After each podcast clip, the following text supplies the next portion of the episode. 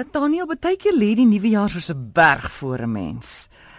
Hoe verteer jy die gedagte van 'n hele jaar voor jou?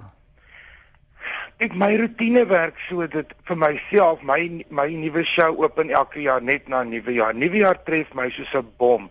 En as ek sien val die eerste herfsblare en dan hou ek vakansie in die winter.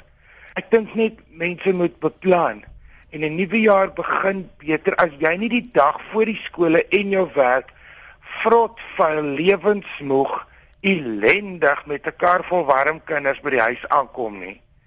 Maar eerder 4, 5 dae vroeër terugkom van die karavaan of die strandhuis of iets en kalm raak by by jou huis. Almal is hysteries. Almal sit by tolhekke en vloek vir 3 dae op die hoofpaaie. En seker goed, ek dink dis 'n ding van van beplan.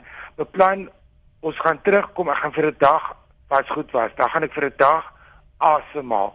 Dan gaan ek vir 'n dag stadig aan die gang kom en dan die volgende dag gaan ek en die kindertjies koop skoolklere en potlode en al daai miserable goed wat moet gebeur en dan begin die jaar. Mense vergeet hoe moeg maak 'n vakansie jou. Mm. As jy kinders in 'n gesin het en vir al daai ding wat mal mense doen, hulle gaan saam met hulle vriende van dieselfde dorp het almal strandhuise in dieselfde plek. Sien jy ontspan nooit nie want jy sit met dieselfde ou mense om jou. Jy kom doodmoeg en emosioneel gedreineer terug van 'n vakansie of jy weet dit net nie. En dan begin jou jaar en dis ellendig. So dit gaan oor timing.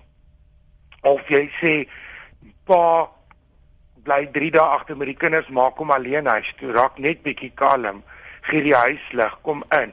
Pa kom terug en gaan vir 2 dae op 'n golfbaan en so gee mak los mekaar af gee mekaar tyd dat die nesie wat die hele tyd om jou is en die gekerm en die kindertjies en die goed.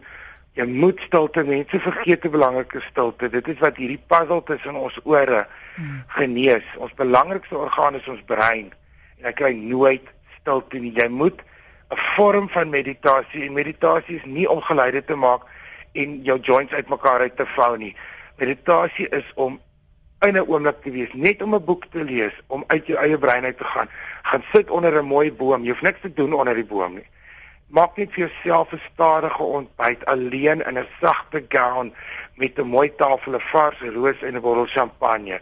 Doen net iets stadig voordat jou nuwe jaar begin. Dit is wat ek altyd moet doen, anders sal ek dit nooit nooit maak nie.